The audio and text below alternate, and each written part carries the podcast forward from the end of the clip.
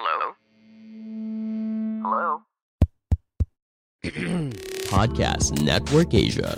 Lisih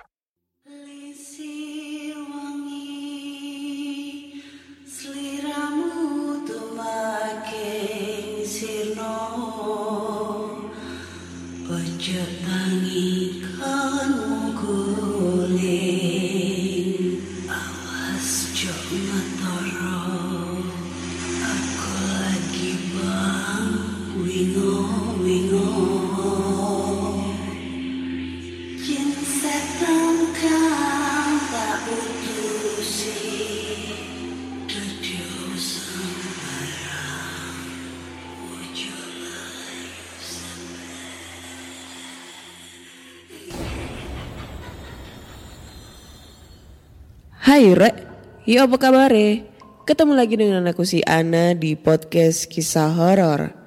Di episode 156 ini aku akan bacakan cerita horor ataupun email berhantu yang sudah dikirimkan teman-teman melalui podcast kisah horor at gmail.com atau di Instagram podcast kisah horor serta Google Form yang linknya tersedia di bio Instagram podcast kisah horor. Oke. Sebelumnya aku mau minta maaf dulu buat teman-teman semua karena minggu kemarin seminggu full nggak ada tayangan episode terbaru ya di podcast kisah horor. Karena alasannya eh, sakit kemarin eh, kena tipes kemarin kata dokternya ya. Terus kalau misalnya aku swab juga pasti bakalan positif gitu kan. Tapi aku nggak berani swab karena ya itu tadi takut lagi banyaknya kasus yang melonjak nih gara-gara kasus omikron gitu kan. Aduh di Surabaya itu udah banyak banget hampir 50% lah yang udah kena gitu udah positif. So buat teman-teman semua jaga kesehatannya. Jangan apa ya jangan ke mana-mana deh kalau nggak penting gitu. Jaga imun kalian ini juga lagi musim hujan kayaknya lagi pergantian juga ke musim kemarau. Jadinya banyak penyakit-penyakit nih yang bakal eh, masuk ke tubuh kita gitu. Terus ini banyak banget yang DM juga kak lanjutannya rumah dinas mana? Lanjutannya rumah dinas. Dinas dinas dinas part 2 gitu ya. Nah ini sekarang gue lanjutin nih cerita dari salah satu pendengar podcast kisah horor yang judulnya Rumah Dinas Part 2. Tapi nih, tapi sebelum eh, ngebacain cerita horor nih yang part 2. Hei. Seperti biasa, curcol, curhat colongan. Jadi aku akan membacakan komentar. Ada salah satu komentar eh, pendengar di Noise ya yang komen di episode 154. Dia komentar kayak gini. Soal yang curhat lumayan aneh ya. Kalau alasannya usia, emang pas kakak pacaran sama dia, umur kakak sama dia seumuran gitu. Kan emang dari awal emang udah jauh jaraknya. Ini jujur aja, aku masih galau gitu dengan urusan yang seperti ini ya. Dengan yang lalu. Aduh, mantan yang paling ganteng gue dapet ya cuma dia doang. Lainnya juga nggak ganteng-ganteng amat. Dia doang yang ganteng. Jadi apa ya? Dari awal kita udah tahu kalau usia kita udah jauh, beda jauh lah, jauh banget, lima tahun ya. Aku sama dia, Eh, kebetulan dia juga junior aku di kampus pelayaran. Terus kita juga udah bikin komitmen gitu loh, mal- eh, bakal bisa terima apa adanya gitu dengan kondisi kita, apalagi kondisi usia gitu. Nah, pada saat kita pacaran, eh, awal mulanya itu ibunya tahu. Nah, ibunya tahu itu karena emang sengaja nih aku nyuruh dia buat ngomong ke mamanya gitu loh. Kalau seandainya dia berpacaran dengan usia yang eh, cewek dengan usia apa dengan cewek yang usianya lebih tua gimana responnya? Gue responnya tadinya nggak setuju tuh. Wuh, sampai kita berdua nangis-nangisan tuh di dalam mobil kan. Tangis menangis gitu. Tapi pas dia ngeyakinin gitu ngebelain aku di depan mamanya akhirnya mamanya kayak pasrah ya udahlah terserah kalian gitu yang terbaik buat kalian dapat doa restu dong walaupun masih lampu kuning ibaratnya ya. Tuh udah. Terus dia pulang ke Banyuwangi. Ternyata pas pulang ke Banyuwangi eh, bapaknya nih tahu hubungan kita dan eh, si orang tuanya terutama dari pihak laki-laki papahnya itu kayak menolak terang-terangan dan dia kayak pokoknya intinya kamu harus ngejauhin Ana kayak gitu. Dan akhirnya kita putus. Dia udah ngejauhin aku sejauh-jauhnya tanpa harus memperjuangin aku. Aku nggak tahu alasannya kenapa, tapi aku aku harus bisa menghargai keputusan dia. Alhasil kit- eh, aku diblokir, WA aku diblokir, IG ku juga diblokir. Terus kemarin sempet aku DM kan pakai eh, IG podcast diblokir juga. Terus habis itu sesudah diblokir baru langsung aku WA pakai nomornya mama aku. Kebetulan WA-nya mamaku kan aku yang pegang tuh. Nah, itu langsung dibales sih, dibaca, dibales dan dia intinya tetap minta maaf, minta maaf, minta maaf, terus endingnya diblokir lagi. Ya udah, belum jodohnya kali ya. Eh, emang itu menjadi salah satu kelemahan aku adalah di saat aku udah bener-bener sayang sama orang, pasti proses untuk move onnya susah banget. Apalagi kita menjalin suatu hubungan itu bentar, cuma sebulan doang. Tapi melupakan semua kenangan-kenangan yang pernah kita bikin selama satu bulan itu, aduh susahnya minta ampun. Bisa sampai tahunan gitu.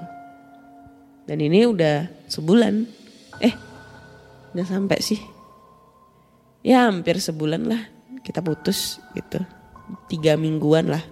Dua minggu, dua minggu, tiga mingguan lah kita putus. Gitu.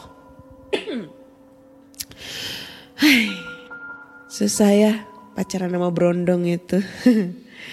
ya tapi mau gimana lagi? Cinta dibutakan oleh segalanya. Buat Allah ya, si Ega Prawira Hutama. Kalau lo ngedengerin podcast gue ini ya, ngedengerin gak ya? Gak bakalan lah. Ya pokoknya kalau lo ngedengerin podcast gue ini, Ega Prawira Hutama tolong tag namanya dia karena gue nggak bisa nge-tag dia lagi karena dia udah ngeblokir gue. Gue masih sayang sama lo, cinta sama lo anjing. Tuh dah. Oke lanjut ya kita ke rumah dinas part 2. Diprotes nanti gue sama pendengar podcast kisah horor. Kamu lagi mau mengembangkan podcast kamu, tapi bingung caranya bagaimana? Mulai dari sisi performance-nya, menentukan rate konten kamu, sampai bagaimana cara memonetisasinya. Nah, coba deh cek Podmetrics. Podmetrics adalah platform yang bisa membantu kamu untuk lebih mudah melihat performa konten podcastmu. Lalu melalui Podmetrics, kamu juga bisa menentukan rate podcastmu melalui data yang tersedia. Serta bisa juga memonetisasi kontenmu dengan champion-champion dari brand yang cocok dengan podcastmu.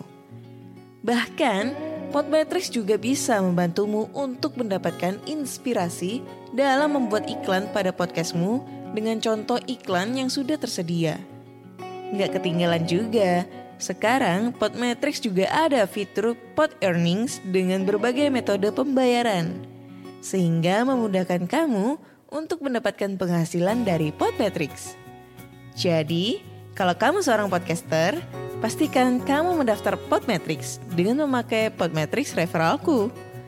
Klik langsung aja podlink yang ada di deskripsi box dalam episode ini. Oke, lanjut ke part 2. Bulan demi bulan telah aku lewati.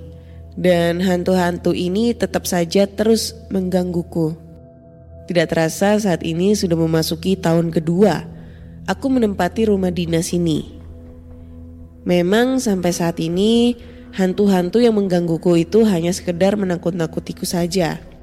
Tidak ada hal-hal yang membahayakanku sejauh ini kecuali dengan psikisku yang mulai terganggu karenanya.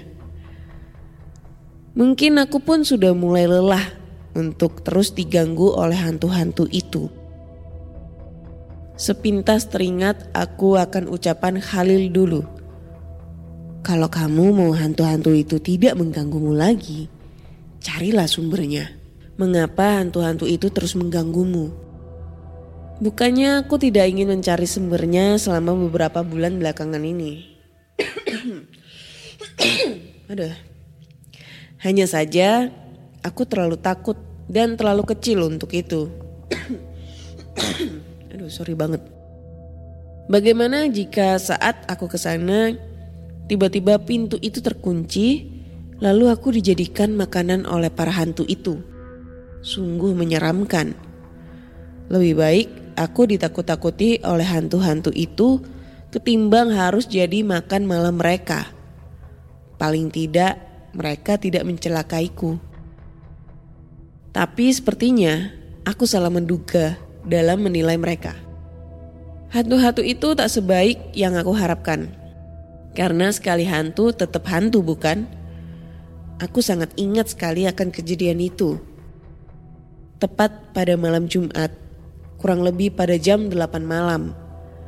Aku dan keluargaku sedang berkumpul di ruang keluarga yang untuk sekedar berbincang-bincang sembari menonton film action yang ada di salah satu channel TV swasta. Kondisi ruang keluarga pada saat itu merupakan ruangan yang paling terang daripada ruangan lainnya. Karena untuk ruang dapur dan ruang tamu, cahaya lampu itu sudah kami matikan sebelumnya. Sedangkan pintu rumah kami yang terletak di ruang tamu masih kami biarkan terbuka sedikit. Lokasi ruang keluarga dan ruang tamu itu tidaklah jauh. Jaraknya hanya sekitar 10 langkah kakiku saja. Pintu rumah itu memang biasanya kami buka sedikit. Mungkin karena kami sudah terbiasa membuka pintu rumah itu seperti rumah lama yang kami tinggali. Tapi akan kami tutup kembali jika angka jarum jam sudah menunjukkan pada angka 9. Ya, berkumpul bersama-sama di ruang keluarga memang sedikit mencairkan suasana yang sepi di rumah ini. Sesekali tawa dan canda menghiasi ruang keluarga ini. Dan sesekali kami pun terpaku akan film yang kami tonton pada waktu itu. Sungguh momen yang takkan pernah aku lupakan. Jarum jam pun sudah menunjukkan angka 9. Dan ini waktunya untuk mengunci pintu utama yang berada di ruang tamu. Bang, tolong kuncikan pintunya. Pinta papaku, biasanya papaku lah yang selalu mengunci pintu rumah itu. Mungkin karena film kali ini cukup seru sehingga berat untuk papaku meninggalkan sofa itu walau sebentar. Jadi terpaksa Aku yang harus mengambil alih untuk mengunci pintu rumah itu. Iya pak, sautku dengan malasnya. Dengan jalan lumayan cepat, aku pun bergegas ke arah ruang tamu yang cukup gelap untuk mengunci pintu itu. Ketika aku tepat berdiri di depan pintu itu pada langkah kakiku yang terakhir, tiba-tiba aku mendengar suara tepat berada di bawah kakiku. Aku pun langsung berteriak kesakitan dan seketika aku pun terduduk. Dengan sigapnya keluargaku berlari kecil ke arah ruang tamu itu. Kenapa bang? Tanya papaku dengan rajat, eh rajat, raut wajah yang bingung.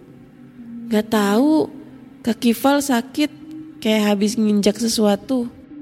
Mendengar penjelasan singkatku itu, papaku lalu meminta mamaku untuk menghidupkan lampu ruang tamu yang berada di pojok dinding. Astagfirullah, kok bisa kayak gini bang? Ucap papaku dengan cemasnya. Rasanya kakiku itu sangat-sangat sakit. Semakin sakitnya lihat kaki sendiri saja aku tak sanggup. Rasanya karena pikiranku sudah terfokus untuk menahan sakitnya ini. Mah, cepet ambil air dingin. Bengkak gini kakinya. Mama dan adikku pun sibuk untuk mengambil air es ke dapur, sedangkan papaku mencoba untuk menenangkanku yang kesakitan kala itu. Pah, kaki Val kenapa pah? Sakit kali ini. Lalu papaku menopangku berdiri untuk dipindahkan ke sofa yang berada di ruang tamu itu. Bang, nginjak tahun nih, Lantas aku pun melirik lantai yang berada di dekat pintu itu dan yang benar saja. Aku melihat seekor tawon berukuran besar terbaring di sana. Aku pun makin panik dan jeritanku semakin besar. Pah, ini airnya. Lalu papaku pun memegang kakiku dan memasukkannya ke dalam air yang sudah diisi es itu. Bang, tenang bang, ini lagi diobatin. Ujar mamaku sembari menenangkanku yang sedang panik itu. Aku hanya bisa memejamkan mataku sembari mengeluh kesakitan. Sudah lima menit kakekku direndam oleh air es itu, tapi tidak ada perubahan. Sakitku malah semakin menjadi-jadi. Melihat kondisiku yang seperti itu, papaku langsung bergegas mengambil kunci mobilnya dan membawaku ke tukang pijit guna untuk mengobati kakiku ini. Mama dan adikku pun juga ikut pergi menemani kami. Ketika kami semua sudah berada di dalam mobil yang terparkir tepat di depan pintu rumahku itu, pada saat itu posisiku berada di belakang sendirian karena posisi kakiku memanjang ke bangku. Aku melihat ke arah jendela di samping pintu itu. Entah kenapa, Pandanganku tidak mau lepas dari jendela yang gordennya sedikit terbuka itu. Aku memang tidak melihat apa pun di jendela itu. Tapi anehnya, aku merasakan seperti ada yang sedang memperhatikanku dari jendela itu. Semakin mobil ini menuju ke gerbang depan rumah itu, semakin tajamlah pandanganku untuk melihat ke arah jendela itu sembari menahan sakitnya. Entah tekanan apa yang aku rasakan pada saat itu.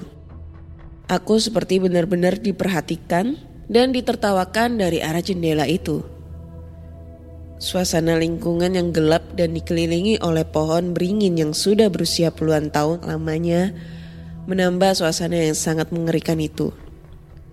Aku merasakan ada sesuatu yang benar-benar jahat sedang memperhatikanku di rumah itu. Apakah ini ulah mereka? Hantu-hantu yang selama ini menakut-nakutiku. Tapi kenapa? Kata Khalil, saja mereka hanya menakut-nakutiku saja, tidak sampai mencelakaiku. Ataukah mereka marah kepadaku karena aku sudah mulai terbiasa dengan kehadiran mereka yang pada malam-malam itu? Atau sejatinya mereka memanglah hantu yang jahat? yang menunggu waktu untuk bisa mencelakaiku. Malam itu aku pun dibawa oleh keluargaku ke tempat tukang pijat yang tempatnya tidak jauh berada di belakang gang sekolahku. Sesampainya di sana, aku pun menunggu antrian giliranku. Malam itu jarum jam sudah menunjukkan ke angka setengah sepuluh. Namun orang yang mengantri untuk dipijit pun masih cukup ramai. Aku pun duduk bersama orang-orang yang mengantri itu sembari menahan rasa sakit yang tak tertahan ini. Kakiku pada saat itu rasanya benar-benar panas, sekaligus sangat sakit untuk digerakkan. Ditambah lagi bengkaknya yang semakin menjadi-jadi, membuatku semakin cemas. Belum sampai antrianku dipanggil, tiba-tiba orang yang duduk di sampingku menanyakan mengenai kakiku itu. Nak, kenapa kakinya kok bisa sebengkak itu? Tanya kakek yang sudah berumur ini. Ini kek, digigit sama lebah barusan. Jawabku sembari menahan rasa sakit yang menyengat ini. Pasti lebah jadi-jadian ya nak, ucap kakek itu. Mendengar perkataannya, aku hanya bisa terdiam saat itu. Rasanya semenjak aku menempati rumah dinas ini, banyak sekali hal-hal yang mistis yang terjadi di hidupku. Dari penampakan hantu hingga kakek-kakek yang seolah tahu mengapa kakiku menjadi bengkak seperti ini. Giliranku pun tiba. Aku pun maju ke depan untuk mendapatkan pengobatan dari tukang pijat tersebut. Perlahan-lahan tukang pijat itu mengoleskan minyak urutnya ke bagian kakiku yang bengkak itu. Rasa sakit pun Aku tahan sembari merasakan pijatan dari tukang pijat itu. Untuk beberapa hari ini, Kamu diamin aja kakimu di rumah ya. Jangan banyak gerak-gerak dulu. Ucapnya sembari mengakhiri pijatan tersebut. Berarti nggak bisa ke sekolah dulu ya pak? Tanyaku. Tukang pijat itu pun mengangguk-anggukkan kepalanya.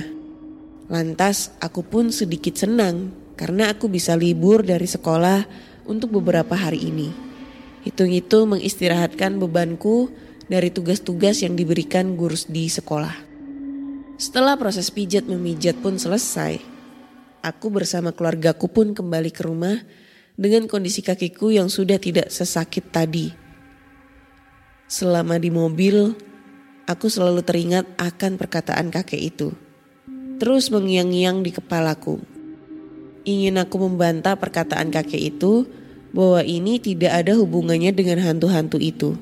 Tapi dengan apa yang aku rasakan di jendela itu, aku pun sedikit susah untuk menyalahkan perkataan kakek itu. Setibanya aku di rumah, aku pun ingin memastikan tentang lebah itu. Apakah benar apa yang dikatakan kakek itu? Bahwa lebah itu adalah lebah jadi-jadian. Setelah papaku membukakan pintu rumah itu, aku pun turun sembari berjalan dengan melompat-lompat dengan satu kakiku menuju ruang tamu itu.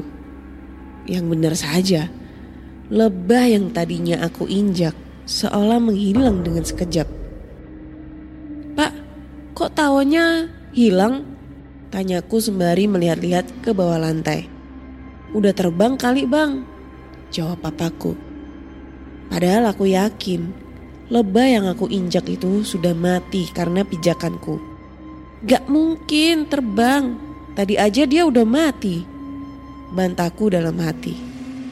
Sekali lagi, bulu kuduku lagi-lagi merinding mengenai apa yang aku alami ini. Jikalau itu memang benar adalah lebah jadi-jadian, berarti memang hantu-hantu itulah yang mengirimnya. Kalau tidak, siapa lagi selain mereka? Atau mereka yang selalu menjahili diriku.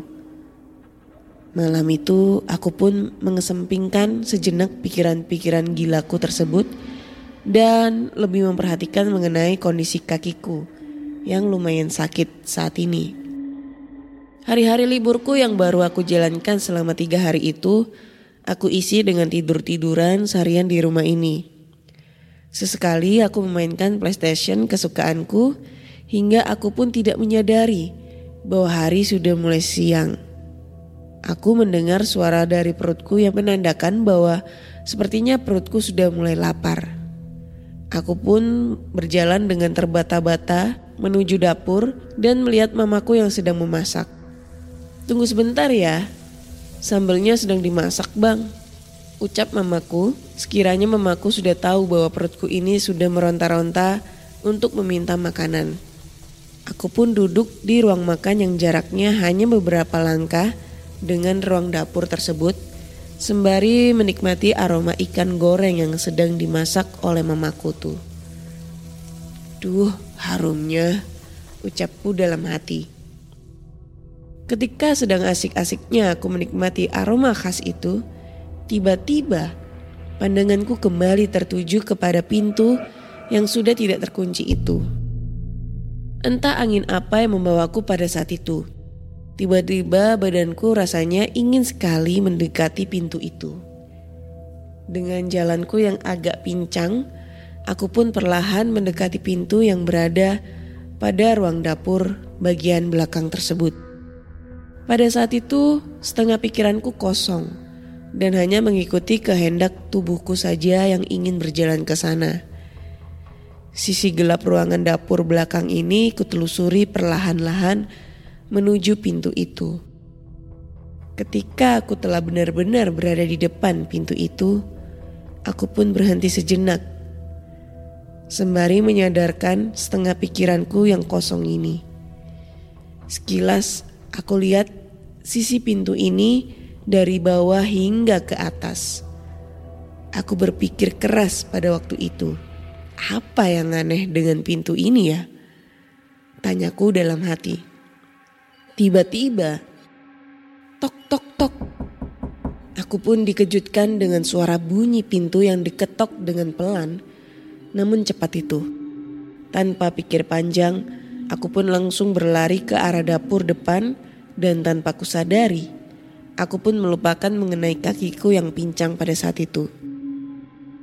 Bang, makanannya udah siap nih. Makanlah. Suruh mamaku yang melihatku berlari-lari dari arah dapur belakang.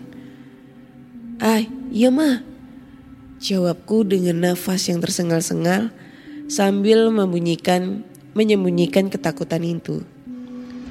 Aku tidak ingin mamaku tahu mengenai apa yang aku alami sebentar ini. Karena itu hanya bisa mencelakakan dirinya nanti. Sebagaimana apa yang dikatakan Halil pada waktu itu. Aku pun mengambil nasi dan sambalku lalu bergegas menuju ke kamarku. Bulu kuduku berdiri. Badanku pun bergetar tetapi aku berusaha untuk tetap tenang agar mamaku tidak curiga padaku mengapa aku sangat ketakutan begini. Sembari itu aku terus melahap makanan yang telah terhidang ini dengan perlahan. Aku berpikir, masa iya ada hantu siang-siang begini? Tak lama setelah itu aku pun mencoba untuk menanyakan kembali kepada diriku dan mengingat-ingat apa yang pernah telah terjadi. Kalau bukan hantu, pasti Bang Ewo. Hanya dua pilihan itu sih gumamku. Tapi kalau itu memang Bang Ewo, kenapa dia ke sini lagi?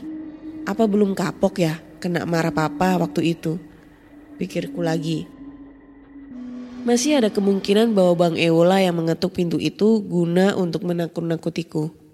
Karena selama ini Bang Ewo itu memang terkenal suka menjahiliku.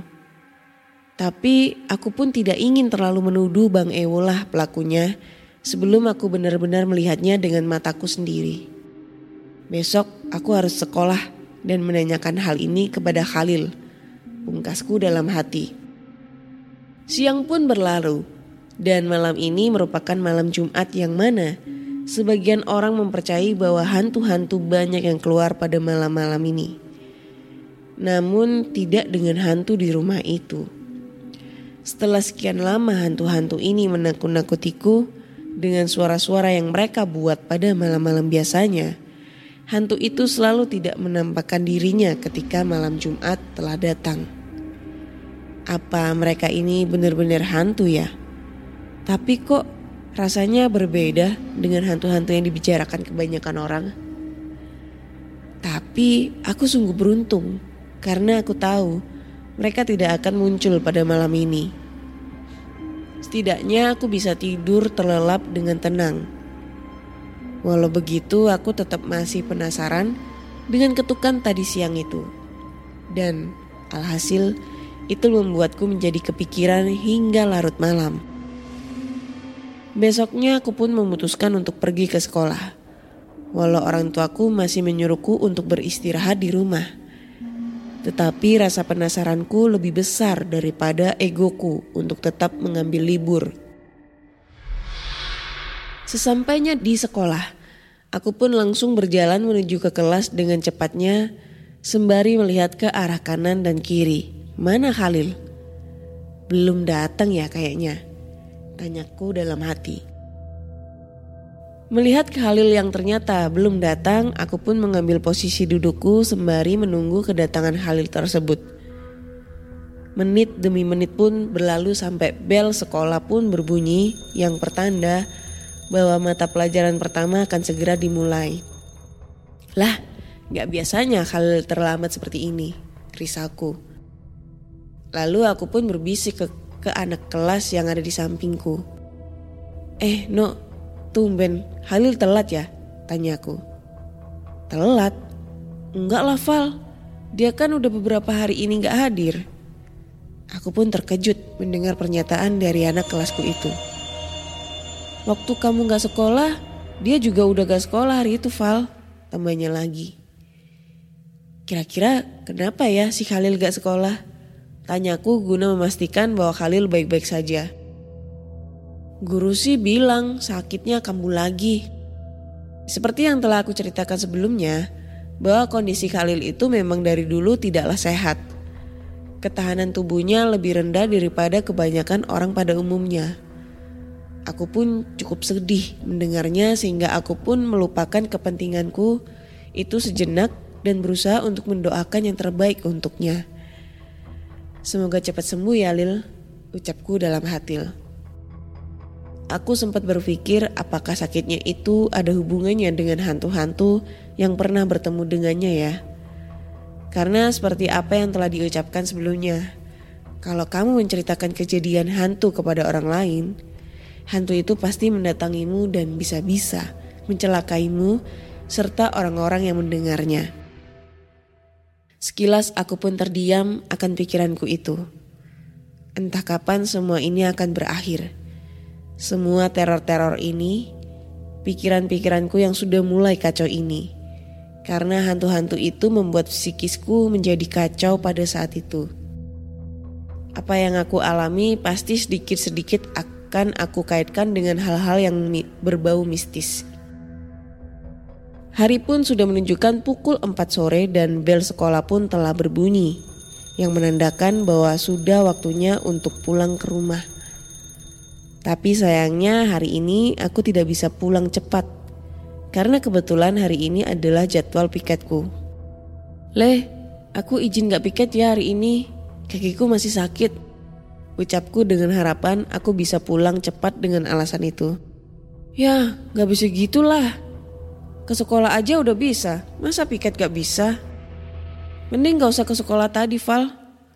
Lagian yang piket juga kita berdua. Ucapnya, sungguh perkataan yang menusuk. Aku yang sudah agak bad mood itu terpaksa menjalankan tugas piket itu. Bangku demi bangku aku susun dengan rapi dan satu persatu isi dalam meja aku keluarkan agar si Le, si Li, Le apa Li sih bacanya? itu bisa menyapunya dengan bersih. Tawan kali anak-anak di sini piketnya nggak bener. Masa sisa-sisa sampah dari minggu kemarin masih aja numpuk? Kesalku sembari melihat tumpukan sampah yang ada di bawah mejaku minggu lalu masih ada di sana. Di saat aku sedang mengeluarkan isi yang ada di bawah meja itu, terlihat pada meja Khalil ada sebuah coretan yang membuatku penasaran untuk membukanya. Pasalnya kertas itu dilipat dengan rapi dan di atasnya terdapat tulisan, bagi yang mengerti tolong dibuka. Awalnya aku kira itu hanyalah sebuah surat cinta yang ditujukannya untuk gadis yang dia sukai sekelas. Tapi ternyata bukan. Terdapat coretan dan juga gambar-gambar aneh yang dia buat di kertas itu. Sungguh pada saat itu aku tidak mengerti gambar apa yang dibuat pada saat itu. Terlihat seperti teka-teki dan juga sepertinya surat itu ditujukan bagi seseorang yang mengerti akan hal itu dengan harapan bisa memecahkannya. Jujur, aku sama sekali tidak mengerti apa yang digambar oleh Halil itu. Mungkin surat itu tidak ditujukan bukanlah untukku, melainkan untuk orang lain. Gumamku pada saat itu. Kalau itu untuk orang lain sepertinya juga tidak mungkin. Kertas ini dibuat pasti dari sebelum dia sakit. Dan itu sudah beberapa hari yang lalu. Tapi sampai sekarang belum ada yang menyentuh apalagi membaca surat ini selain diriku. Karena kalau sudah ada yang menyentuh surat ini pasti akan dibawanya pulang. Analisisku pada saat itu. Lagi pula gambar itu cukup menyeramkan untuk dia berikan kepada orang lain. Setelah aku tiba di rumah, aku pun langsung mengambil gambar yang telah aku bawa dari sekolah itu. Sekilas gambar itu menyeramkan menurutku dan juga penuh dengan teka-teki di dalamnya. Mengapa tidak? Yang aku lihat pada gambar itu adalah sebuah rumah di tepian sungai dan ada sebuah jembatan roboh yang menghubungkan antara jalanan ke rumah tersebut. Suasananya pun dibuat pada malam hari. Tampak bintang dan bulan yang menghiasi langit itu. Lalu ada seorang anak yang sedang berdiri di seberang jalan dekat dengan jembatan roboh itu sembari melihat ke arah rumah tersebut.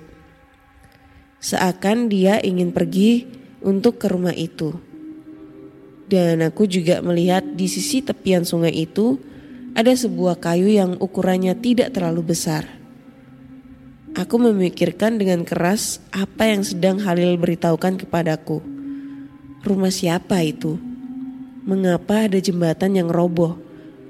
Dan yang paling membuatku ganjal adalah anak ini. Siapa yang Halil maksud pada gambarnya itu? Seharian aku memikirkan teka-teka teka-teki itu dengan amat keras. Tapi hasil yang aku dapatkan nihil. Tidak satupun di antara teka-teki itu terjawab olehku. Aku pun sempat putus asa dibuatnya. Dan yang jauh lebih penting lagi adalah bagaimana dengan keadaan Halil di sana. Apakah dia baik-baik aja atau sedang dalam bahaya? Dan di mana dia sekarang? Risauku pada saat itu. Tak kusangka hari yang senja sudah merubah menjadi gelap gulita dan terdengar mamaku yang memanggilku untuk mengajakku makan malam. Aku pun memutuskan untuk menjawab panggilan itu dan mengesam, mengesampingkan teka-teki yang membuat kepalaku pusing tujuh keliling ini. Lagi pula perutku juga sudah sangat lapar karenanya. Setelah makan malam selesai, aku santap Aku pun kembali ke kamarku untuk menyelesaikan teka-teki ini. Hingga jarum jam telah menunjukkan angka 10. Ah, aku menyerah. Gumamku pada saat itu. Benar-benar teka-teki yang sangat sulit bagiku. Apa yang sebenarnya ingin Khalil beritahukan kepadaku? Dan mengapa harus teka-teki? Seharusnya dia tahu aku paling bodoh dalam menyelesaikan teka-teki apalagi memikirkan sesuatu perkara yang sama sekali aku tidak mengerti. Dengan keputusasaan itu, aku pun menutup lembaran kertas ini dan memasukkannya kembali ke dalam ranselku. Dan kantuk pun mulai menyelimuti tubuhku. Malam itu aku berbaring seperti malam-malam biasanya. Dan terkadang masih terdengar suara langkah-langkah kaki yang berlari-lari kecil itu lengkap dengan gesekan antara wajan dengan spatulanya. Sudah beberapa bulan ini aku selalu mendengar suara-suara aneh itu. Dan sepertinya aku sudah mulai terbiasa dengannya. Aku pun sudah mulai tidak penasaran lagi dan memilih untuk tidak melihat bayangan-bayangan itu lewat ventilasi pintu tersebut. Mungkin kalau aku mengabaikan mereka, mereka akan berhenti dengan sendirinya pikirku dalam hati. Dan aku pun mencoba untuk rileks dan memejam mataku ini. Sungguh lelah hari ini. Semakin lelahnya, mereka pun terabaikan olehku. Mungkin aku tertolong oleh teka-teki ini yang membuat sedikit tidak peduli dengan kehadiran mereka. Paginya aku pun pergi ke sekolah seperti biasanya dan hari ini pun Aku masih berharap bahwa Khalil sudah sembuh dari sakit yang dideritanya itu. Tapi sayangnya harapan hanyalah sekedar harap. Hari ini pun Khalil belum menampakkan batang hidungnya di sekolah ini. Padahal aku ingin menanyakan maksud dari gambar-gambarnya tersebut. Pernah terpintas di benakku apa jadinya jika aku memberitahukan teka-teki ini kepada si Iki Iki merupakan anak kelasku yang cukup dekat dengan Halil dan dia pun terkenal di sekolah ini sebagai pemecah teka-teki terbaik. Karena dia sering sekali memecahkan teka-teki kuis-kuis soal yang diberikan oleh guru. Mungkin dia juga bisa memecahkan teka-teki gambar yang menyeramkan ini. Tapi aku urungkan niatku untuk itu. Karena aku tidak tahu bahaya apa yang akan menghampiri Iki jika sampai dia tahu mengenai gambar-gambar menyeramkan ini. Terpaksa harus aku yang memecahkannya sendirian, karena mungkin ada sebuah jawaban yang bisa aku temukan pada gambar ini. Hari-hari pun berlalu. Usaha kerasku, pikiran tajamku pun nampaknya tidak ada hasil. Atau mungkin hanya aku saja yang terlalu bodoh dalam menyelesaikan teka-teki itu yang membuat setiap malam-malamku menjadi terasa melelahkan karenanya. Perang pikiran ini ternyata sangat melelahkan ketimbang berurusan dengan para hantu itu. Yang akibatnya aku pun mulai terbiasa dengan suara-suara aneh itu karena tubuhku ini telah lelah pada sorenya untuk memikirkan gambar-gambar aneh ini. Dan pada saat itu juga, Khalil belum ada kabar beritanya bahkan guru pun sepertinya sudah melupakan Khalil. Karena setiap guruku membacakan daftar kehadiran siswa, nama Khalil selalu dilampauinya. Aku sudah lelah dengan teka-teki ini dan aku menyerah. Itulah keputusan yang aku buat pada saat itu. Daripada menyiksa pikiranku lebih lama lagi. Sebaiknya aku hentikan saja. Karena memang aku bukanlah tipe pemikir.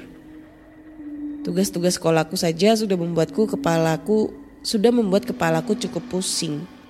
Apalagi teka-teki ini, ya aku sudah muak. Minggu pun telah tiba. Paginya, aku memutuskan untuk mencari tahu sebenarnya tentang siapa yang mengetok-ngetok pintu itu pada hari-hari sebelumnya. Karena aku masih penasaran semenjak ketukan itu dan tentang surat dari Khalil itu aku belum sempat untuk mengecek siapa yang ada di balik pintu itu. Tapi, jika memang Bang Ewo, pastilah mamaku akan terheran-heran kembali karena sambalnya yang hilang satu persatu. Tapi beberapa hari kemarin sepertinya mamaku tidak terlihat mengeluh sedikit pun. Apa Bang Ewo puasa ya? Mungkin karena takut dimarahin lagi atau malah bawa makanannya sendiri yang ya dari rumahnya. Pikirku pada saat itu. Entah kenapa aku merasa tidak terlalu takut lagi untuk menjelajahi ruangan belakang itu. Mungkin karena beberapa hari ini aku mengerjakan teka-teki Halil itu ya. Seakan melupakanku mengenai hal-hal yang menyeramkan di rumah ini.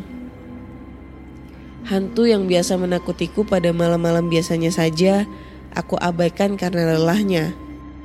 Aku pun bergegas menuju ruangan dapur yang ada di paling belakang dan dengan jantung yang sedikit deg-degan, aku pun perlahan membuka pintu itu. Ya, pintu yang menghubungkan awal dari semua masalah rumah ini. Aku pun menuju ruangan dapur yang ada di paling belakang dan jantung yang sedikit deg-degan aku pun perlahan membuka pintu itu. Di saat aku membuka pintu itu, sekilas hawa yang ada di sekitarku menjadi mencekam. Bulu kuduku perlahan berdiri dan langkahku kian memberat. Ketika aku telah berada di ruangan tersebut, aku pun melihat tepat di depanku sebuah pohon yang dipagari sekelilingnya. Aku pun sejenak terdiam ketika melihat pohon itu. Rasanya aku menjadi tenang di saat aku melihat pohon tersebut. Entah apa yang ada di dalam pohon itu, hanya firasatku saja. Lalu aku melihat gembok yang pada pagar itu telah copot. Padahal sebelumnya, gembok yang ada pada pagar itu masih terkunci dengan rapi. Dan aku sangat ingat sekali tidak mungkin Bang Ewo yang melepaskan kuncinya tersebut. Karena semenjak Bang Ewo menginap di sini, tidak ada satupun yang ke ruangan ini lagi. Tiba-tiba ada hembusan angin yang tidak terlalu kuat, namun cepat melewati telingaku. Seketika aku pun terkejut dan langsung berlari ke ruang dapur. Apaan tadi itu? Tanyaku dalam hati. Telingaku langsung berdiri pada saat itu. Rasanya seperti dihembus oleh seseorang. Sebenarnya tidak ada hal aneh yang yang ada pada pohon itu. Hanya saja perasaan yang sedikit berbeda ketika aku melihat pohon itu. Perasaan yang tenang, hampa, dan dingin. Yang rasanya di ruangan itu lebih sedikit dingin daripada suhu yang ada di dalam sini. Padahal tidak ada AC di sana, dan lagi atapnya pun terbuka. Aku pun memutuskan untuk mengunci kembali dengan gembok pintu belakang itu. agar tidak ada maling yang masuk ke dalam rumah ini. Oh iya, masih ada satu lagi pintu yang belum terkunci. Ingatku pada saat itu. Aku pun langsung bergegas pergi ke halaman samping belakang untuk mengunci pintu yang sudah dibuka Bang Ewo waktu itu. Ketika aku telah mengunci pintu tersebut, aku pun sekilas melihat gudang berkas yang ada di depan pintu itu. Aku merasakan ada seseorang di dalam gedung arsip itu. Padahal tidak ada siapa-siapa ketika itu. Aku pun tidak ingin mengeceknya jauh lebih dalam lagi. Lantas, aku pun langsung berlari menuju ruang tamu ketika itu. Sudahlah, aku tidak ingin lagi mencari tahu hal-hal yang seharusnya tidak aku ketahui. Gumamku dalam hati. Ya mungkin ada benarnya juga. Untuk apa mencari tahu hal-hal yang seharusnya tidak kita ketahui? Kalaupun hantu itu ada, biarlah tetap menjadi hal yang tersembunyi. Tak perlu dicari untuk mencari kebenaran bahwa hantu itu ada. Karena pada dasarnya dunia manusia dan para hantu itu memang sudah berbeda. Ketika kita mencari-cari tahu tentang dunia yang berbeda itu, itu hanya membuat gerbang antara dunia manusia dan dunia hantu itu menjadi tidak seimbang. Itulah argumen yang bisa aku berikan ketika itu untuk diriku. Pemikiran seperti itu aku dapatkan ketika aku menonton anime kesukaanku yang berjudul Inuyasha. Di mana sang peran utama memasuki dunia manusia dan begitupun sebaliknya yang pada akhirnya pembatas gerbang antara kedua dunia itu hilang. Yang mana kalau tidak manusia yang terjebak di dunia hantu bisa jadi hantulah yang terjebak di dunia manusia.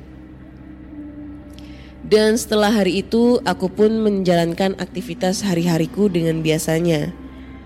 Ya walau para hantu itu masih saja menggangguku di setiap harinya, Meski kini aku sudah terbiasa dengan hal-hal itu, jadi aku tidak terlalu takut lagi ketika para hantu itu bermain di rumah dinas ini.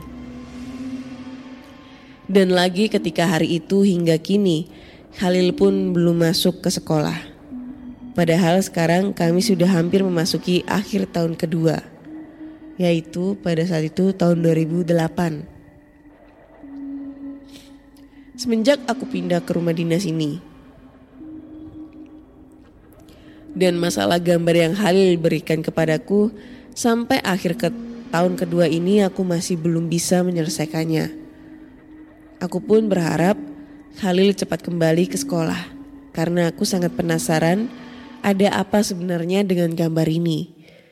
Dan pesan apa sebenarnya yang ingin Halil sambil sampaikan kepadaku mengenai gambar ini. Tahun kedua pun telah usai. Masuk ke awal tahun ketiga, awal tahun 2009. Kami pun saat ini sudah memasuki kelas 5. Tapi aku tidak tahu apakah Khalil juga naik kelas pada saat itu karena dari wali kelas pun tidak ada keterangan yang menyatakan bahwa Khalil sudah tidak bersekolah lagi ataupun Khalil tinggal kelas. Bang, sudah kelas 5 kan sekarang? Sahut papaku ketika aku sedang asik bermain game di kamarku. Iya pah, kenapa pah? Jawabku. Udah waktunya untuk dihitan nih. Mendengar perkataan papaku itu, aku pun sejenak berhenti dari aktivitas bermain game. Hah? Jawabku terkejut. Maklum, pada saat itu aku sangat takut mendengar yang namanya hitan. Bagiku itu hal-hal yang paling menakutkan di hidupku. Aku belum siap untuk itu. Udah kelas 5 ini harus wajib dihitan bang, jelas papaku. Aku pun langsung menolaknya dan mengatakan bahwa aku belum siap. Tapi papaku meyakinkanku untuk dihitan dengan diiming-imingi komputer. Bagiku itu adalah pilihan berat karena memang sudah beberapa tahun belakangan ini aku sangat mengidam-idamkan komputer. Karena beberapa tahun belakangan ini aku juga sering untuk main ke warnet yang letaknya tidak jauh dari rumahku. Hingga mama dan papaku sering memarahiku karena terlalu sering keluar dan menghabiskan uang untuk itu. Lalu aku pun langsung mengiyakan apa yang papaku pinta. Tapi pak, gak sakit kan? Papaku hanya membalas dengan tawa candaan pada saat itu. Setelah beberapa minggu kemudian, hari H pun telah tiba. Ya, hari penentuanku di mana aku akan menjadi seorang lelaki sejati telah tiba. Aku pun beserta papa dan mamaku pergi ke puskesmas yang berada di sekitar perumahan yang letaknya tidak jauh dari rumah dinas ini.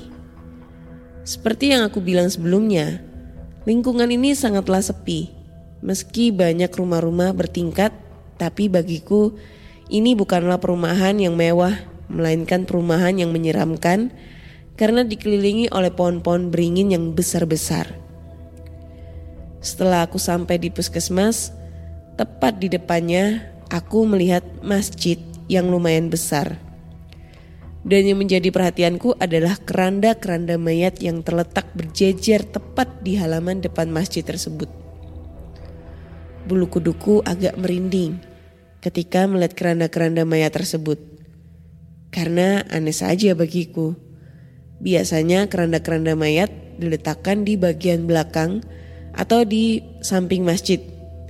Tapi ini malah diletakkan tepat di halaman depan masjid seperti tidak ada tempat saja. Padahal pekarangan masjid itu lumayan luas. Mungkin ada yang meninggal hari ini, pikirku dalam hati. Sebenarnya bukan hanya itu saja yang membuat bulu kuduku merinding. Awal kedatanganku ke puskesmas ini saja sudah membuat bulu kuduku tegak satu persatu. Pasalnya suasana yang ada di puskesmas dan lingkungan ini sama sepinya dengan suasana yang ada pada lingkungan rumahku. Mungkin karena masih satu daerah kali ya, pikirku saat itu. Dan lagi, hanya ada beberapa perawat saja yang ada di puskesmas ini. Padahal puskesmas ini tergolong besar dan juga bertingkat.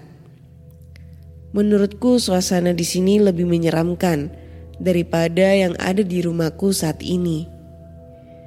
Ketika aku dan keluargaku menunggu di ruang tunggu, aku pun tanpa sengaja mendengar percakapan antara kedua perawat yang sedang bertugas ini. Eh sis, dua hari yang lalu aku kan shift malam sama si Yusuf. Tahu nggak? Kami di lantai atas kemarin melihat bayangan orang yang lagi lari-lari. Padahal di lantai atas gak ada orang kan? Cerita salah satu perawat sambil berbisik kepada temannya. Ah, emang kamu gak tahu ya? Kalau di lantai atas itu terkenal angkernya. Makanya dikosongin kalau malam hari. Mendengar hal itu pikiranku kembali melayang-layang. Dan ketika itu juga. Nomor tujuh, silakan masuk ke ruangan yang berada di lantai dua. Nomorku pun dipanggil dan ternyata ruangan itu berada di lantai atas yang baru saja diceritakan oleh perawat-perawat itu. Seketika moodku pun berubah. Keteganganku pun bertambah dan yang lebih parahnya, badanku mendadak dingin pada saat itu. Satu jam lebih nih kayaknya. Waduh. Aku pun menaiki tangga menuju lantai dua dengan ditemani oleh papa dan mamaku. Sedangkan adikku saat itu masih menunggu di bawah. Mungkin sepertinya dia takut untuk melihatku khitanan pada waktu itu. Lorong demi lorong pun kami lewati. Dan memang di lantai dua ini sangatlah sepi. Meski ada beberapa ruangan yang terlihat. Namun ruangan-ruangan tersebut sepertinya sudah tidak terpakai lagi. Pah, kok lantai duanya sepi ya? Kayak gak ada orang. Tanyaku pada waktu itu. Lalu papaku pun menjawab, mungkin dokternya belum datang. Aku berpikir, masa iya jam segini dokter masih belum datang? Memang jadwal kerja dokter itu jam berapa ya? Pikirku dalam hati. Lalu aku pun sampai ke ruangan nomor tujuh tersebut. Meski nomornya adalah nomor tujuh, tetapi posisi ruangan tersebut berada di sudut paling ujung. Ini dengan saudara rival. Tanya salah satu dokter yang telah menungguku di depan pintu ruangan tersebut. Iya dok, jawabku yang sedikit tersipu malu. Bagaimana tidak, dokternya masih muda ketika itu. Walau begitu keteganganku masih belum hilang karena ini adalah hari yang sangat-sangat penting sekaligus menegangkan bagiku. Mengapa tidak? Begitu banyak pikiran-pikiran negatif yang mengelilingiku saat itu. Bagaimana jika kemaluanku nanti copot? Atau dokternya salah potong? Sakit gak ya? Duh, pasti sakit banget. Rasanya aku ingin sekali kabur pada saat itu, namun aku masih ingat akan apa yang papaku bilang. Bang, kalau sudah selesai hitanan, nanti papa belikan komputer. Ya, di samping itu perkataan papaku selalu terngiang-ngiang di kepalaku sehingga menahanku untuk kabur dari ruangan itu. Silakan, Dek. Tidur telentang di sana ya. Dan untuk ibu bapaknya, silakan mendampingi. Lalu aku pun menuju tempat tidur yang telah disiapkan oleh dokter itu. Sedangkan papa dan mamaku duduk di bangku yang berada di samping tempat tidurku. Tahan ya, ini nggak sakit kok. Lalu dokter itu pun menyuntikkan cairan pada kemaluanku ini. Sekilas kemaluan, kemaluanku pun rasanya tidak berasa apa pun pada saat itu. Dok, sakit gak dok? Aku takut. Dokter itu pun mencoba untuk menenangkanku pada saat itu. Gak sakit kok, kan udah disuntik, udah kebal. Walau begitu tetap saja ngilu bagiku ketika dokter itu memulai untuk menghitanku. Dan aku hanya bisa berdoa dan bersikir pada waktu itu. Dan setelah proses hitanku selesai, aku pun berjalan ke arah luar ruangan itu. Sembari memegang celanaku agar tidak mengenai kemaluanku pada saat itu. Sedangkan papa dan mamaku masih berkonsultasi dengan dokter. Ketika aku menunggu di luar ruangan dokter itu, sesekali aku menengok ke arah lorong-lorong yang agak menyeramkan itu. Di saat itu aku juga melihat ada tangga menuju lantai atas tepat di samping ruang hitanku ini. Wah, lantai dua aja udah sepi begini. Masa iya ada lagi ruangan di lantai atas? Aneh pikirku saat itu. Tapi lebih anehnya lagi, ada seorang perawat yang baru saja turun dari lantai atas tersebut. Hingga aku pun bertanya kepada perawat itu, "Sus, di lantai atas ruangan apa ya?" Perawat itu hanya berjalan di depanku begitu saja tanpa menggubris pertanyaanku pada waktu itu. Sombong amat, kesalku dalam hati. Tidak lama setelah itu orang tuaku pun keluar dari ruangan tersebut bersama dengan dokter itu. Aku yang masih penasaran dengan lantai atas itu kembali bertanya kepada dokter itu. Dok, di lantai atas itu ruangan apa ya? Dengan santai dokter itu pun menjawab. Masih kosong dek, belum diisi. Dulu pernah ada, tapi udah gak dipakai lagi. Lah aku pun kembali bertanya. Lah terus suster tadi ngapain ke atas ya dok? Ketika itu dokter itu pun langsung berubah moodnya dan sedikit terkejut. Yuk dek kita ke bawah lagi. Pungkas dokter itu sembari mempercepat langkahnya. Ketika itu aku merasakan kejanggalan dengan ekspresi dokter yang pada saat itu. Kami pun sudah berada di lantai dasar. Papa mamaku pun mengurus administrasi hitanku itu Sedangkan aku menunggu di ruang tunggu dan terlihat dokter yang menghitanku itu mengobrol dengan temannya dengan wajah yang sedikit serius dan terlihat cemas sambil menunjuk-nunjuk ke arah lantai atas. Aku yang sedikit penasaran merubah tempat dudukku sedikit lebih dekat dengan dokter itu agar aku pun bisa mendengarkan apa pembicaraan dari mereka. Ah, masa iya? Tanya salah satu teman dari dokter itu. Iya benar, Tadi anak itu yang ngomong. Kayak gitu, ih serem. Jelas dokter tersebut. Aku pun berpikir sejenak. Ah, Jangan-jangan dokter tadi itu... Sekilas aku pun merinding dengan apa yang aku pikirkan itu. Apa iya perawat yang aku bilang sombong itu adalah hantu? Tapi kalau memang hantu, kok bulu kuduku tidak merinding ya ketika aku bertanya kepada perawat itu. Aku pun masih menerka-nerka dan masih di antara percaya atau tidak dengan kejadian itu. Lalu papaku pun memanggilku sehingga aku pun bergegas menuju mobil. Ketika berada di parkiran mobil, aku pun melihat sekilas ke arah jendela atas puskesmas ini. Terlihat jendela-jendela ruangan dari lantai dasar terbuka semua yang menandakan bahwa ruangan tersebut tidaklah kosong. Dan sedangkan di lantai duanya hanya terlihat satu jendela yang terbuka. Sedangkan jendela-jendelanya tertutup. Oh itu pasti tempatku hitam tadi. Lalu aku pun melihat ke lantai tiga yaitu lantai paling atas dari puskesmas ini dan aku melihat semua jendela-jendela pada lantai tiga ini tertutup. Lalu aku pun masuk ke dalam mobil dan perlahan papaku menghidupkan mobil tua ini dan berjalan dengan lambat. Aku pun membuka kaca mobil ini sembari melihat terus ke arah lantai tiga pada puskesmas ini. Karena aku masih penasaran apa yang dilakukan suster itu di lantai atas yang ruangannya tertutup semua.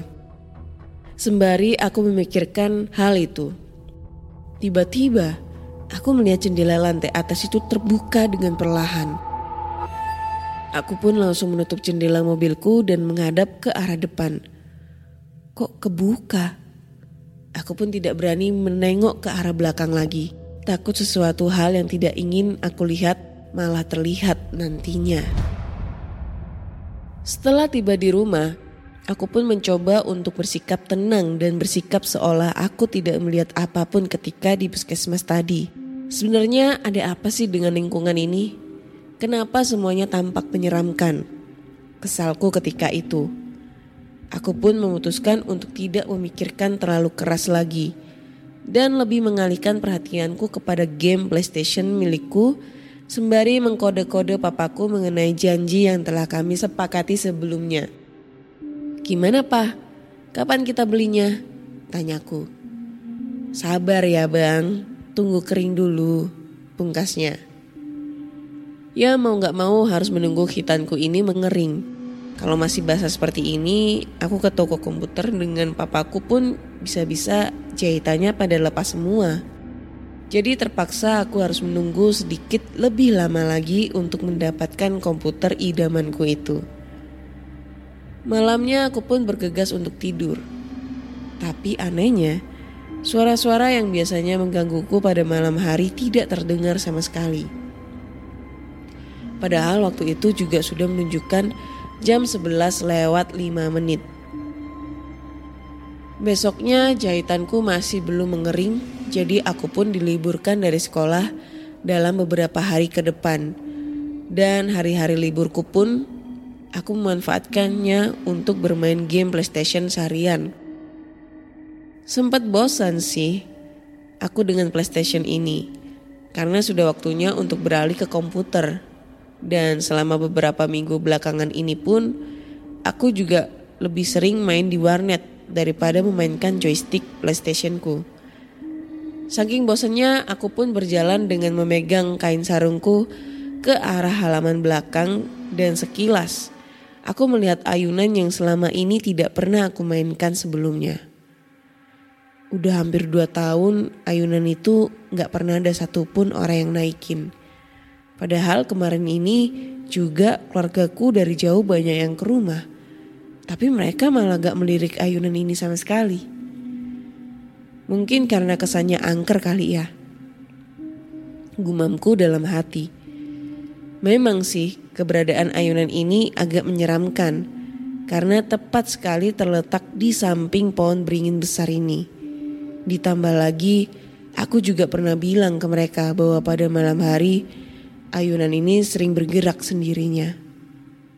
Astaga, kucingku ngorok. Aku pun duduk di ayunan itu sembari melamun dan menikmati angin yang sepoi-sepoi pada saat itu. Seakan membawaku akan suasana yang tenang, menenangkan tersebut. Tidak terasa hari pun sudah mulai senja. Aku pun masuk ke dalam rumah dan memulai aktivitasku pada malam harinya.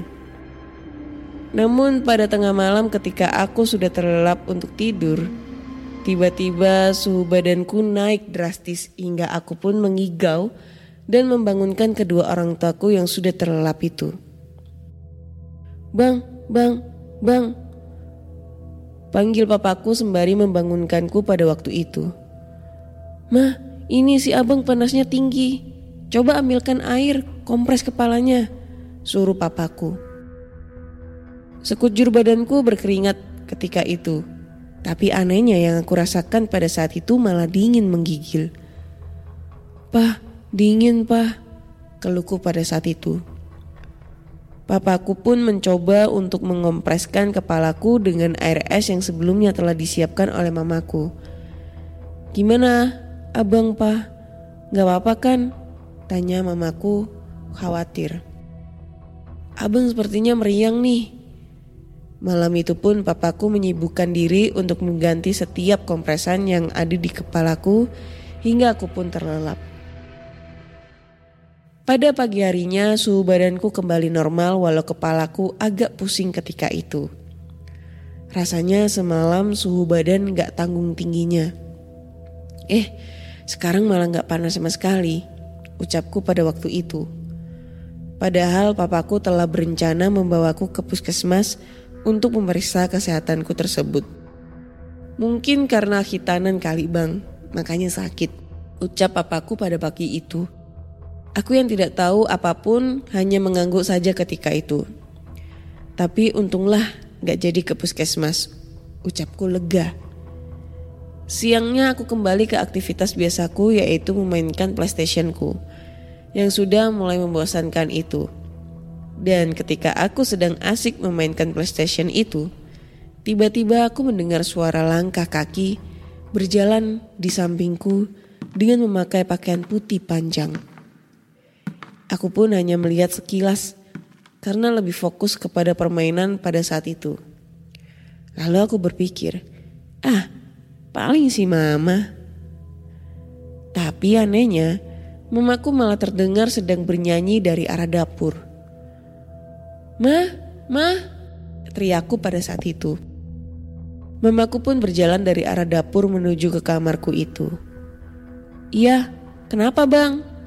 Lalu aku pun terkejut. Bukannya mama tadi yang barusan ke kamar mandi samping? Tanyaku. Kak kok bang? Mama di dapur aja dari tadi. Dan aku pun hanya bisa terdiam saat itu. Seolah aku sudah tahu penyebabnya. Oh, mereka lagi ya, ucapku.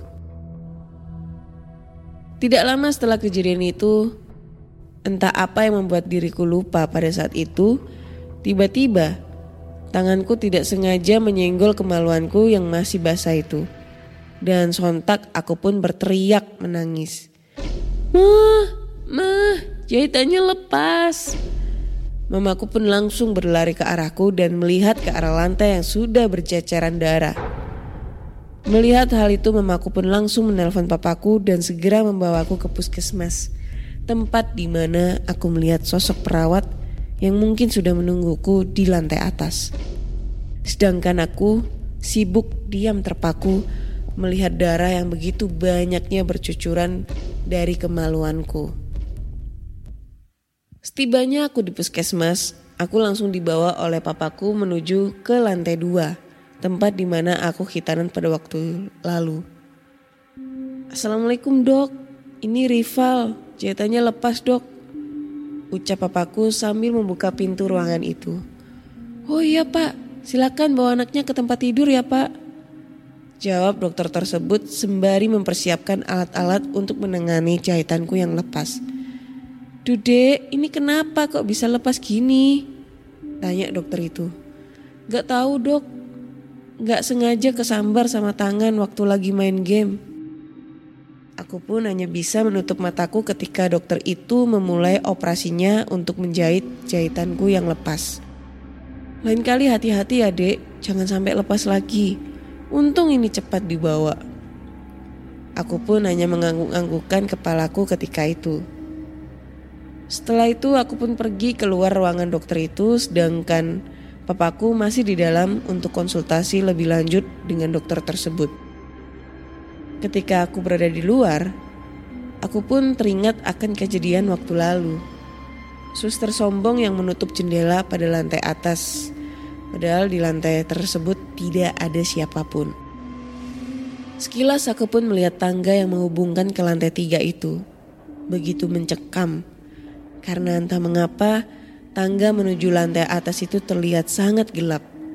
Padahal matahari masih menunjukkan sinarnya ketika itu. Aku pun melamun, seakan-akan ada seseorang yang berjalan dengan sangat pelan, berjalan dari lantai atas itu menuju lantai dua.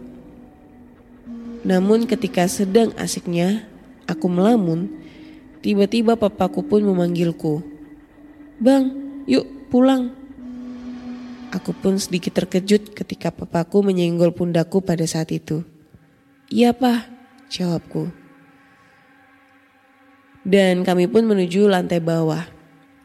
Dan seperti biasa aku menunggu di ruang tunggu sembari papaku mengurus administrasinya. Lalu tidak lama setelah itu aku melihat dokter yang menjahit jahitanku tadi. Dok, aku mau tanya dok, sautku ketika itu.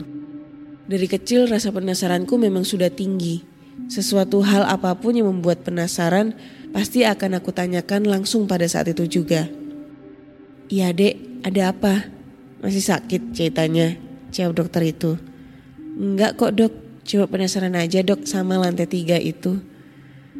Dokter itu pun menjawab, oh memangnya kenapa dek dengan lantai tiga itu? Aku pun menjelaskan apa yang aku lihat pada waktu lalu. Oh begitu ya. Sebenarnya nggak ada apa-apa dek dengan lantai atas itu. Yang membuatnya menjadi angker bukanlah puskesmas ini, Melainkan tanah inilah yang membuat puskesmas ini menjadi angker. Karena dulunya tanah yang ada di perumahan ini kan bekas kuburan massal.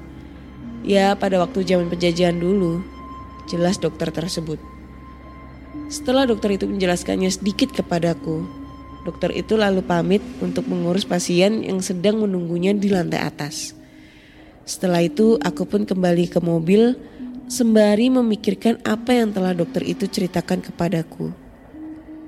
Jika yang dikatakan dokter itu benar, berarti rumah yang aku tempati sekarang juga termasuk dong, tanyaku dalam hati.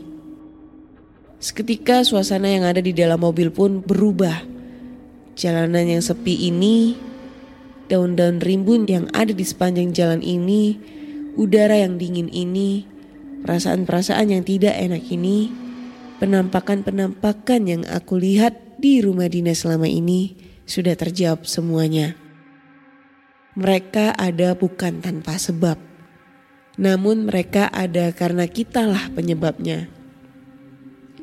Ya, luka dari masa lalu, dendam dari masa lalu, serta kebencian dari masa lalu akan peristiwa-peristiwa yang mereka alami selama hidup mereka karena ulah tangan manusia yang tamak akan kekuasaannya.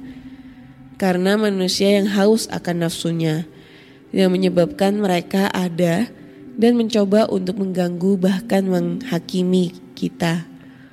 Walau secara tidak langsung bukan kita yang menyebabkan ketidakseimbangan itu. Namun kita juga ikut terseret ke dalamnya karena kita masih mewakili dari rasa haus mereka akan manusia. Yang bisa kita lakukan sebagai manusia generasi yang lebih baik daripada yang terdahulunya adalah berdoa kepada Tuhan agar jiwa-jiwa yang tidak tenang ini kembali ke tempat yang seharusnya. Ya, termasuk jiwa-jiwa yang selalu menggangguku di rumah dinas ini. Jiwa anak-anak yang masih belum tahu apa-apa yang dibunuh ketika masa peperangan itu. Belum puas bermain ya selama hidupnya. Makanya, mencoba untuk bermain denganku saat ini. Semoga kebencian dan kesedihanmu cepat berakhir ya, agar kamu semua bisa kembali ke tempat asalnya, ke tempat yang seharusnya kalian berada. Tamat.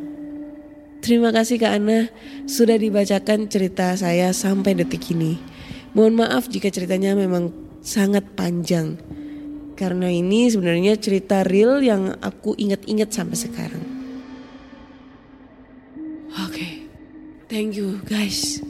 Ini akhirnya eh ini ya selesai cerita tentang rumah dinas part 1 dan part 2.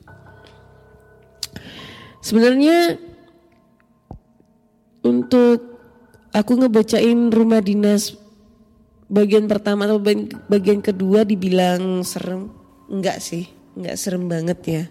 Tidak begitu serem tapi dia itu kayak menceritakan plot twistnya itu ada di endingnya. Jadi endingnya dia tahu kalau ternyata gangguan-gangguan selama ini yang dia dapat di rumah tersebut bukan karena hmm, ya karena ulah e, bang Ewo tadinya.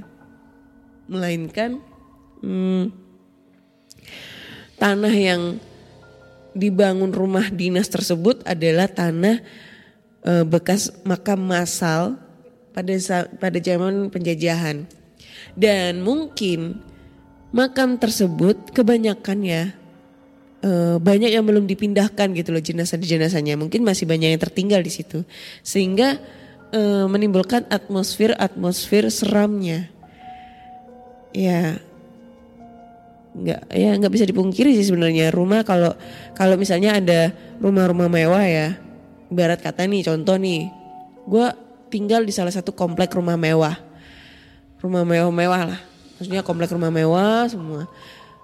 Nah tapi orang yang mau ngebeli rumah tersebut itu tahu asal usulnya eh, lokasi tersebut bahwa rumah yang dibangun di atas tanah tersebut adalah bekas eh, makam masal yang endingnya ya siapa yang mau gitu loh uh, beli rumah di lokasi tanahnya yang bekas pemakaman massal kayak gitu.